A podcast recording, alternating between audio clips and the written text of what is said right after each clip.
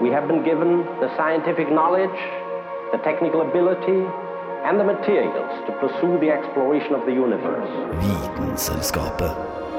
Stedet der vitenskap møter underholdning. Ignition sequence. Six, five, four, three, two, one. It's one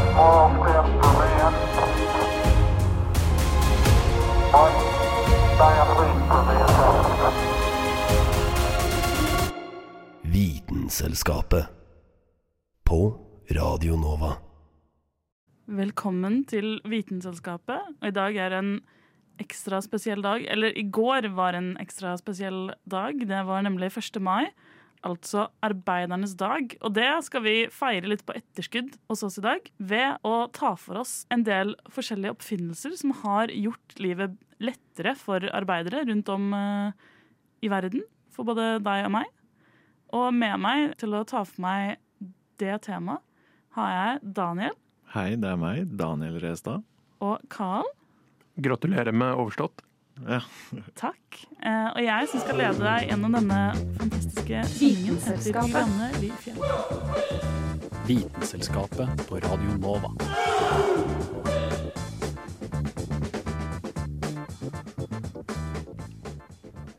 Og først i vår sending skal vi ta for oss noe som er ganske sånn En av de første store oppfyllelsene, kanskje, kan man si, som gjorde Ja, det er lettere å være arbeider, spesielt i Europa, som vidt som vi har eh, lært om i historiebøkene. Daniel, hva er det du eh, har tatt for deg i dag? Jeg kommer i dag for å snakke om dampmaskinen. Og eh, den plukka jeg egentlig fordi at eh, den spiller en stor rolle i et spill som jeg er glad i, som jeg tror jeg har fortalt om før, som heter Civilization. Eh, Ja. ja. Og dampmaskinen er jo noe de fleste i hvert fall har hørt om. Og forbinder gjerne med gamle lokomotiv, altså tog. Eh, Men det er ikke like utbredt da, å kjenne til hvordan den faktisk funker, eller hvordan den kom til. Eh, Har dere noen innledende tanker om det? Eh, Jeg tenker på i hvert fall at eh, damp er jo fortsatt veldig viktig den dag i dag. eh, Til å drive turbiner til å få strøm. Eh, Så det er jo ja, kanskje den viktigste oppfinnelsen, vil jeg tørre å påstå.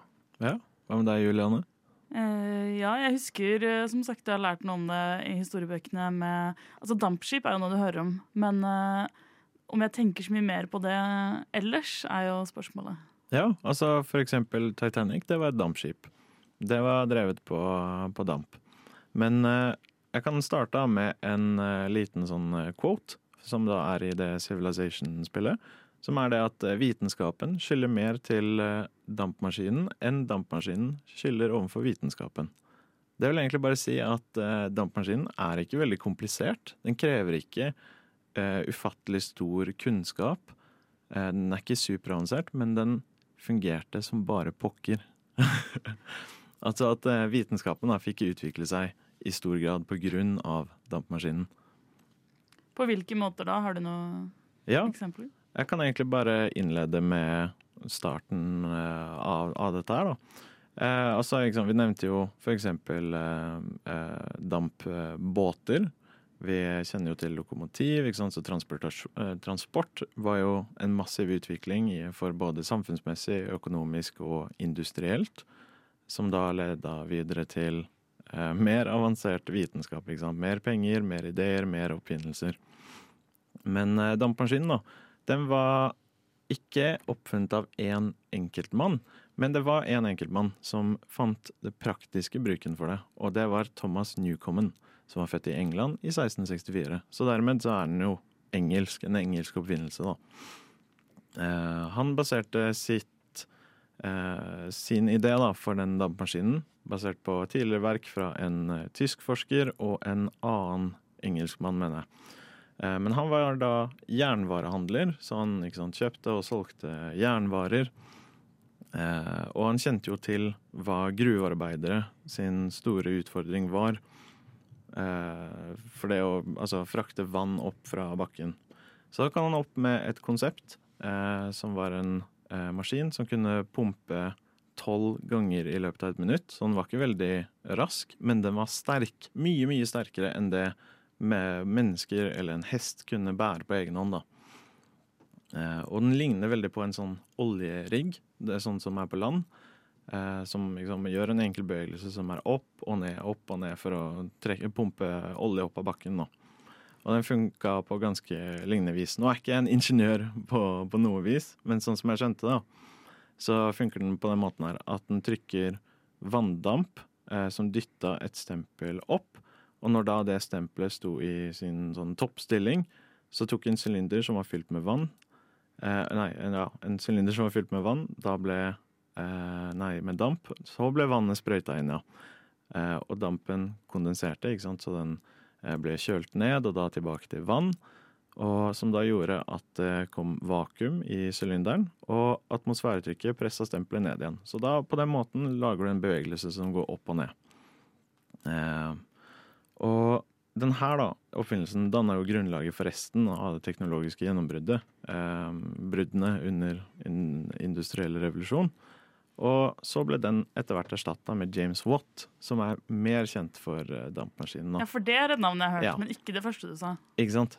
For han lagde en forbedra versjon, som da var billigere å bruke, kunne eh, ikke minst yte mye mer. Um, for det, det han gjorde annerledes, var det at han separerte den her kondensatoren i en egen beholder, istedenfor å ha alt på samme plass, for da måtte du varme opp og kjøle ned hele dritten. Mens han separerte disse her to, og da reduserte kosten av det, og da fikk han mer kjennskap for det, da. Nice. Ja, Mm. fordi det, det, det kobler jo til det jeg husker fra fysikken, om at det er et sånn um, et uh, forhold der mellom trykk, hva er det trykk, uh, temperatur og volum. Ja. Og hvis du endrer på det, så blir det jo energi som kommer ut. Ja, det blir det. Det blir mekanisk energi.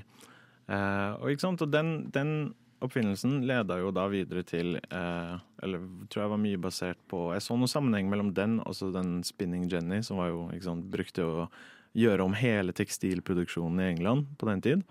Eh, som ikke sant, da også ble videreført i transportasjon, sant, transport, bla, bla, bla. Så det du Ja. sier, at vi kan uh, skylde på uh, dampmaskinen for at vi har fast fashion i dag. ja, i sin grunn så kan du det. Ja, takk.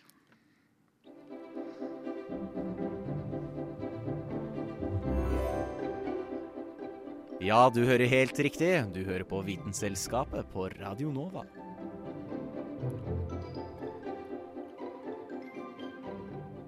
Opp gjennom årene har husbygging forandret seg gradvis.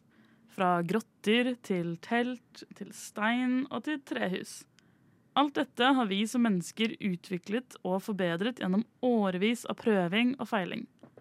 Det har også tatt mange arbeidstiver og hardt arbeid. Nå har vi dyttet grensene enda litt lenger. 3D-printing har blitt et ganske kjent fenomen i dagens samfunn. Det er en prosess hvor man kan lage fysiske objekter fra en modell du har laget digitalt. Du lager nærmest en oppskrift. Her legger du med hvor mye materiale du vil bruke, og en modell på hvordan du ønsker at det skal se ut. Du kan f.eks. lage en modell av en skål, et skrujern, du sier hvor stor den skal bli, og så sender du den til 3D-printeren, og den vil lage det. Denne teknologien har utviklet seg til å bli mer og mer brukbar i vårt samfunn. Man har brukt det til å erstatte små ting som har blitt ødelagt i en maskin, som f.eks. sånn små tannhjul. Men det er alltid noen som dytter grensene fremover, som prøver å hjelpe menneskeligheten på sine egne kreative måter. Noe av det nyeste innenfor 3D-printing er nemlig det å printe hus. Vi skal ta en litt nærmere titt på spesielt tre ingeniører i India som prøver å løse problemet med at vi etter hvert ikke kommer til å ha nok hus. De ønsket også å gjøre det her på en miljøvennlig, og billig og rask måte. Det de har klart å produsere, er ganske spektakulært. Til å begynne med eh, var de ikke fornøyd med å måtte bruke ren betong, så de prøvde å komme opp med sitt eget materiale. Dette materialet skal være opptil 90% mer miljøvennlig enn å bruke vanlig betong. De lager dette materialet. Det blir plugget opp til en stor 3D-printer. De laster opp modellen på hvordan huset skal se ut, og så setter printeren i gang. Printeren lager forskjellige deler. Først starter man med å printe grunnmuren. Så tar man alle vegger samtidig, sånn at den bare går rundt i mønsteret eh, til hvordan huset skal se ut. Det som er kult, er at de lager vegger hule, slik at man kan legge alt av elektronikk, rør og isolasjon inn i veggene etterpå. For å illustrere vinduer bruker de små bokser som de senere tar ut. Og til slutt så printer man taket. Det som er utrolig, er at etter bare fem dager står huset klar for innredning og innflytting. Det er ikke rart eh, flere ser på dette her som fremtiden innenfor husbygging. Det er jo dog noen spørsmål man sitter igjen med. Et som jeg satt igjen med, var er dette faktisk billigere enn å bygge et vanlig hus? Svaret på det er at disse 3D-printede husene i India koster nesten bare 20% av hva et vanlig hus ville kostet. Det er nok grunnet materialet de bruker. De klarte å finne det meste i India, slik at det ikke ble noen langdistansefrakt. Hvilket igjen påvirker det miljøvennlige. Hvis vi ikke trenger å bruke bensin eller diesel på å frakte tung betong, vil vi igjen spare miljøet for masse CO2-utslipp. Et annet spørsmål jeg satt igjen med, var Ok, så dette tok bare fem dager å bygge. Hvor halvbart er det? Kommer det til å bryte ned etter et par år, og man må gjøre samme prosessen om igjen, eller kommer det faktisk til å holde? Her ble jeg igjen ganske overraska. Det viser seg at gjennomsnittsalderen på disse 3D-printede husene er 50 til 60 år. Så ikke bare tar det kortere tid å bygge, det er altså mer miljøvennlig. Men husene bygget gjennom denne prosessen varer til og med opptil 60 år.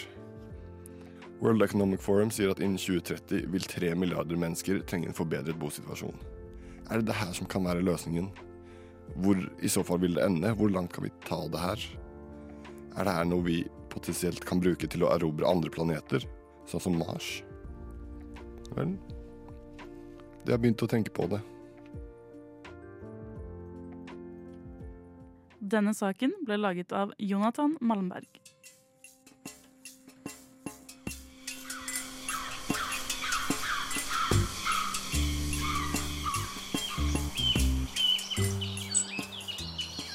Du hører på Vitenselskapet på Radio Nova.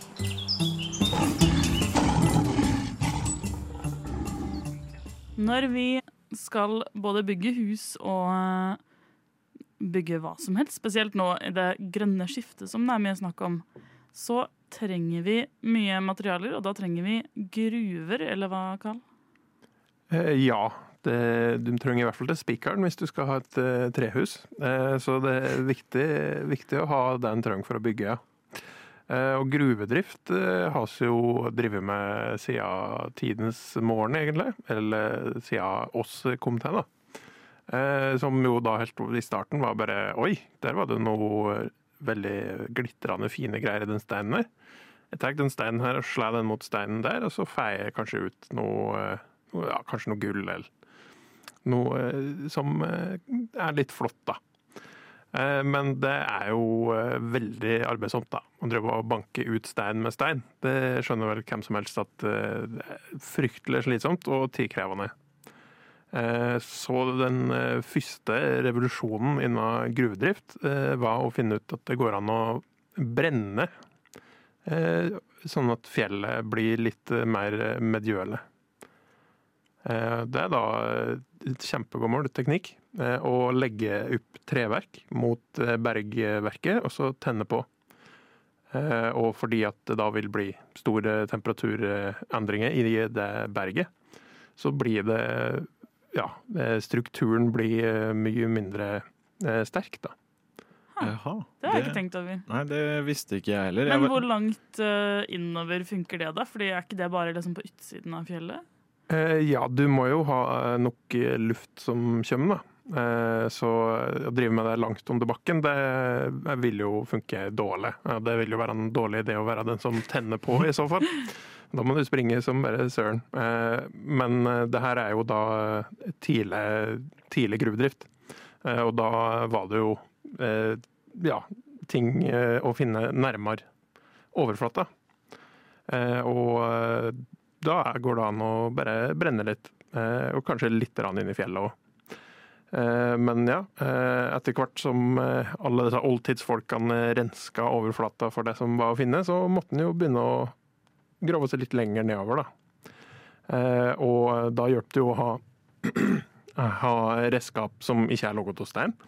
Så eh, bare det at du fikk først gjønn, og så eh, Eller først bronse, og så gjønn, og så andre sterkere stoffer, gjorde det jo betydelig lettere å bryte sånn bakken, som er jo det en driver med. Og så, eh, ut i middelalderen, så er det jo kanskje det folk forbinder mest med gruvedrift, eh, sprenging. Eh, For det kan du jo merke den dag i dag. Hvis du driver og kjører forbi en eh, tunnel som blir bygd, så må du stoppe i en halvtimes tid, fordi de skal sprenge litt fjell. Det gjør jo saken ganske mye kjappere, da. Det gjør det absolutt. Eh, Og først så var det jo bare krutt, eh, svart krutt, de brukte til å sprenge, som jo funker fryktelig mye bedre enn å bare brenne. Eh, Men eh, det tok jo og førte med seg veldig mye risiko for dem som jobber med det, da. For det er ikke så veldig stabilt nødvendigvis. Eh, I hvert fall ikke når det ikke er universitetsutdanna ingeniører som driver med det her, men eh, en eller annen gjeng med folk som har meldt seg. Bare en eller annen bande med sånn dynamittharrier. Ja. Ja, det sånn. var ikke dynamittharrier engang, det var bare kruttharrier. For det neste, neste store steget innenfor sprenginga blir da dynamitten kom. Aha. Som en Alfred Nobel er kjent for. Eh, Og eh, den var jo veldig mye mer stabil. eh, Og ja, eh, mer kompakt. Eh, Så det er lettere å frakte og få den inn der du vil sprenge. Eh, Og eh, så har vi jo òg fått eh, redskap som eh, ja, har litt mer kraft i seg enn ei hakke. Driller eh, i større eller mindre grad. Du har jo alt fra hånddriller til driller som er ja, større enn eh, både Medøy og fem andre folk.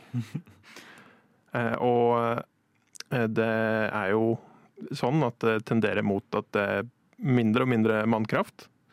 Den dag i dag så går det jo mot at alt kanskje blir nesten helautomatisk. Det er bare en eller annen som står og passer på at det går bra.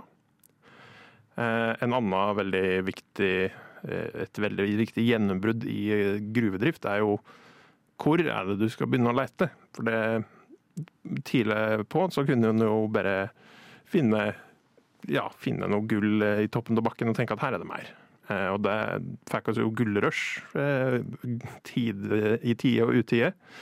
Men etter hvert så må en jo finne det som er mindre lett å finne. Og da finnes det jo helt utrolig avanserte redskap til det. Du har nå noe som ser ut som en hårføner. Men som da er ei lita håndholdt røntgenmaskin som sender ut røntgenstråler. Og så ut ifra de strålene som kommer tilbake, så klarer den å skjønne å ja, men her er det litt eh, bauksitt, eh, eller hva enn det skal være. Hvor, hvor langt ned i bakken funker det, da? Eh, Det, nå spør du godt. Jeg ser ikke for meg at det er veldig langt. Nei, men fordi hvis du går rundt Du må jo gå rundt med den, ikke sant? Det er håndholdt, ser jeg for meg. ja. Så du må kanskje ha en idé at det kan finnes noe i området? Ja, eh, og da har du jo eh, mye større operasjoner, da, der du analyserer jordsmonn og bruker modeller ut ifra hvordan det har sett ut andre plasser der det har funnet mineraler som er verdifulle. Eh, Men akkurat den håndholdte X-ray-maskina syns jeg var veldig kult.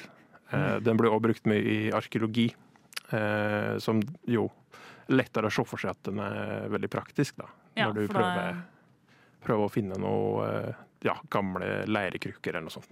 Ja, Så ligger kanskje ikke ting så langt under bakken der som uh, det du må grave for gruver, ser jeg for meg. Det stemmer nok det, ja. Ja, takk. Da lærte vi litt om uh, måten vi finner og har funnet uh, kule mineraler og litt forskjellig. Hæla i taket med Vitenselskapet.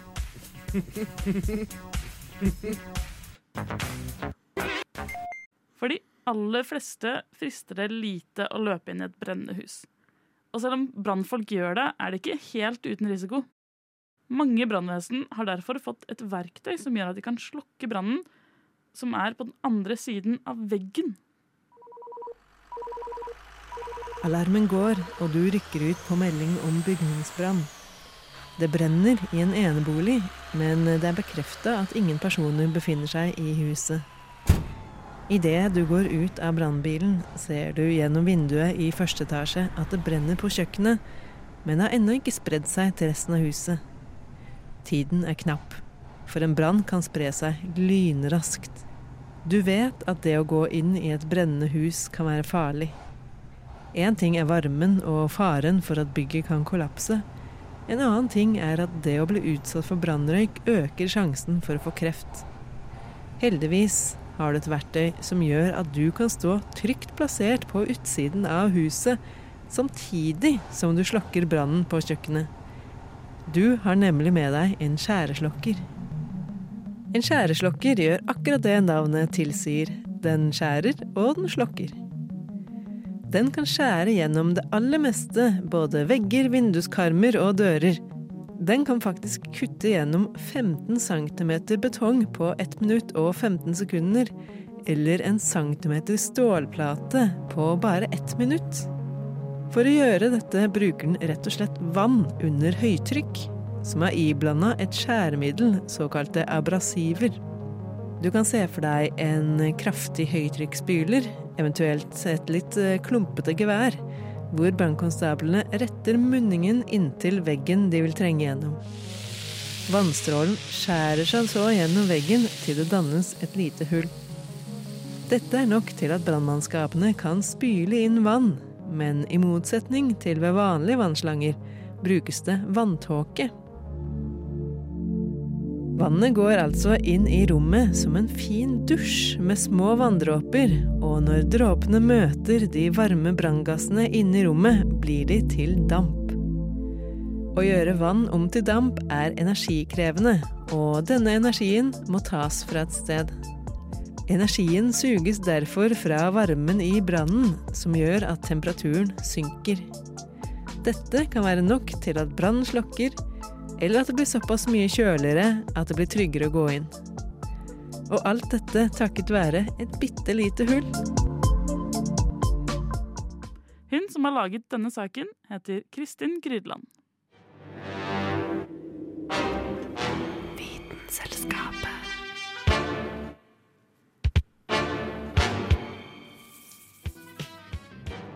Når eh, vi snakker om oppfinnelser som har hjulpet eh, arbeidere, så er det jo eh, en klasse som eh, kanskje man tenker på som den absolutt største arbeiderklassen. Nemlig de som må bruke kalkulator. Det var ikke det jeg tenkte på. Du tenker ikke på bankfolk, Altså- kanskje, og eh, regnskapsførere som Nei, Jeg tenker jo ikke de, på dem som det stående eksempelet av arbeiderklasse. Det gjør jeg ikke. Mm. Men eh, jeg selv er ufattelig glad for kalkulatorer. Ja, fordi vi har vel alle eh, morsomt nok vokst opp med at eh, vi skulle ja, både bruke kalkulator på skolen, veldig sånn basic lommekalkulatorer, og eh, at man ble lært om at eh, nei, du kan, du kan ikke alltid ha med deg en kalkulator. Det har du ikke. Eh, men man har jo det. Eh, men jeg vokste opp og, også opp med at den første matteboken min het eh, Abakus. Jeg vet ikke om en av dere, noen Ja. av dere hadde den? Jo, jo, jo. Ja, det husker jeg. Og det var, husker jeg var sånn Hva, hva er eh, abakus for noe? Eh, er det noen av dere som vet hva det er? Eller har lært det i ettertid, kanskje? Det er ei kuleramme. Kuleramme da altså x antall spiler med noen kuler på som du bruker til å telle. Right. Er det noen av dere som vet hvordan den faktisk funker? Eller som hvordan man bruker den som en For det er jo en type kalkulator, basically. Ja. En veldig gammel Altså, Jeg husker ikke helt hvor lang tid den går tilbake, men den går veldig mange hundre år tilbake i tid. Ja, altså sånn, jeg har hatt den selv. Jeg vet hvordan de ser ut. Jeg vet hva de heter, men jeg vet ikke hvordan de fungerer.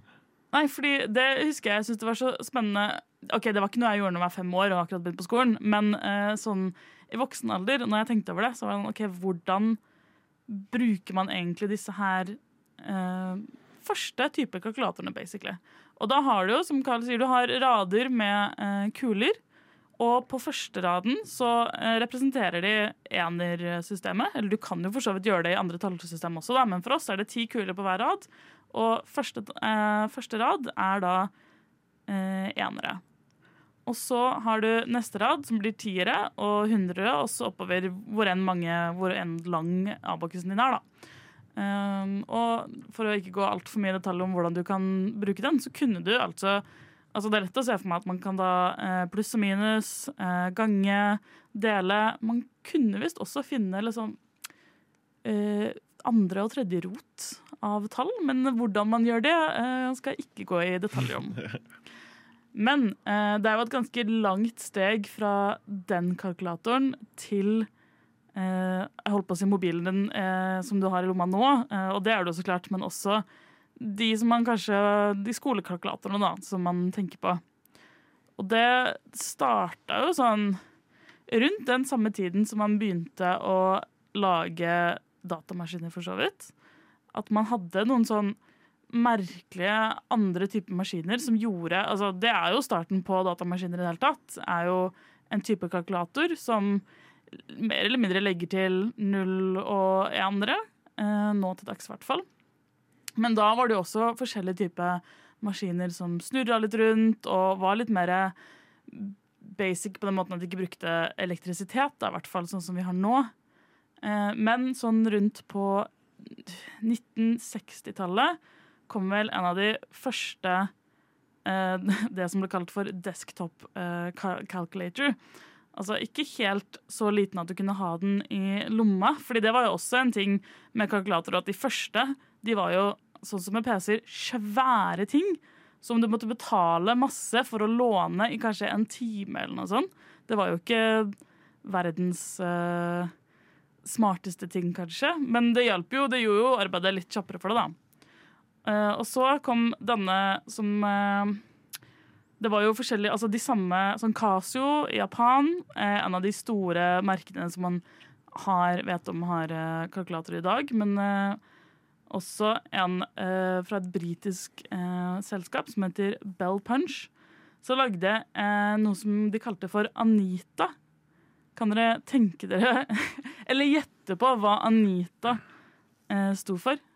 Det er to forskjellige svar her, da. Åh, jeg har på følelsen at det enten er noe sånn der sovjetmaskin. Eh, sånn svær greie som gjør Nei, for det var britisk. Det var britisk? Ja. Å ja. Å, oi. Jeg, jeg er faktisk helt uten idé, altså. Hva med deg, Karl? Nei, det, hva slags forkortelse det er, det kan jeg ikke gjette meg fram til. Men er det kanskje datter eller ektemann eller kona til oppfinneren?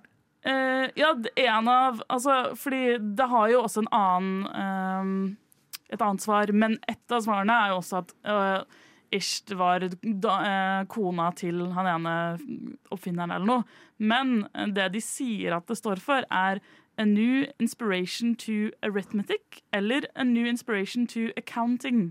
Mm. Så det sier jo noe om hvem som faktisk eh, brukte disse maskinene.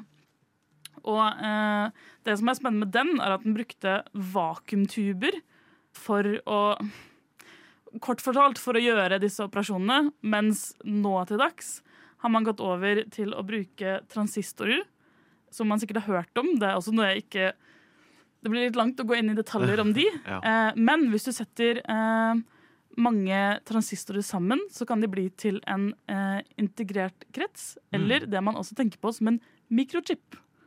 Og mikrochipper er jo noe man har hørt mye om, fordi det vet man er i veldig mye av de, den forskjellige teknologien som vi bruker i dag. Og det inkluderer jo også mobiltelefoner. Så man vet jo sånn sett at en mobiltelefon er en, eh, en type kalkulator. Eller det, er, det funker jo som en kalkulator da, så man, man vet jo det allerede.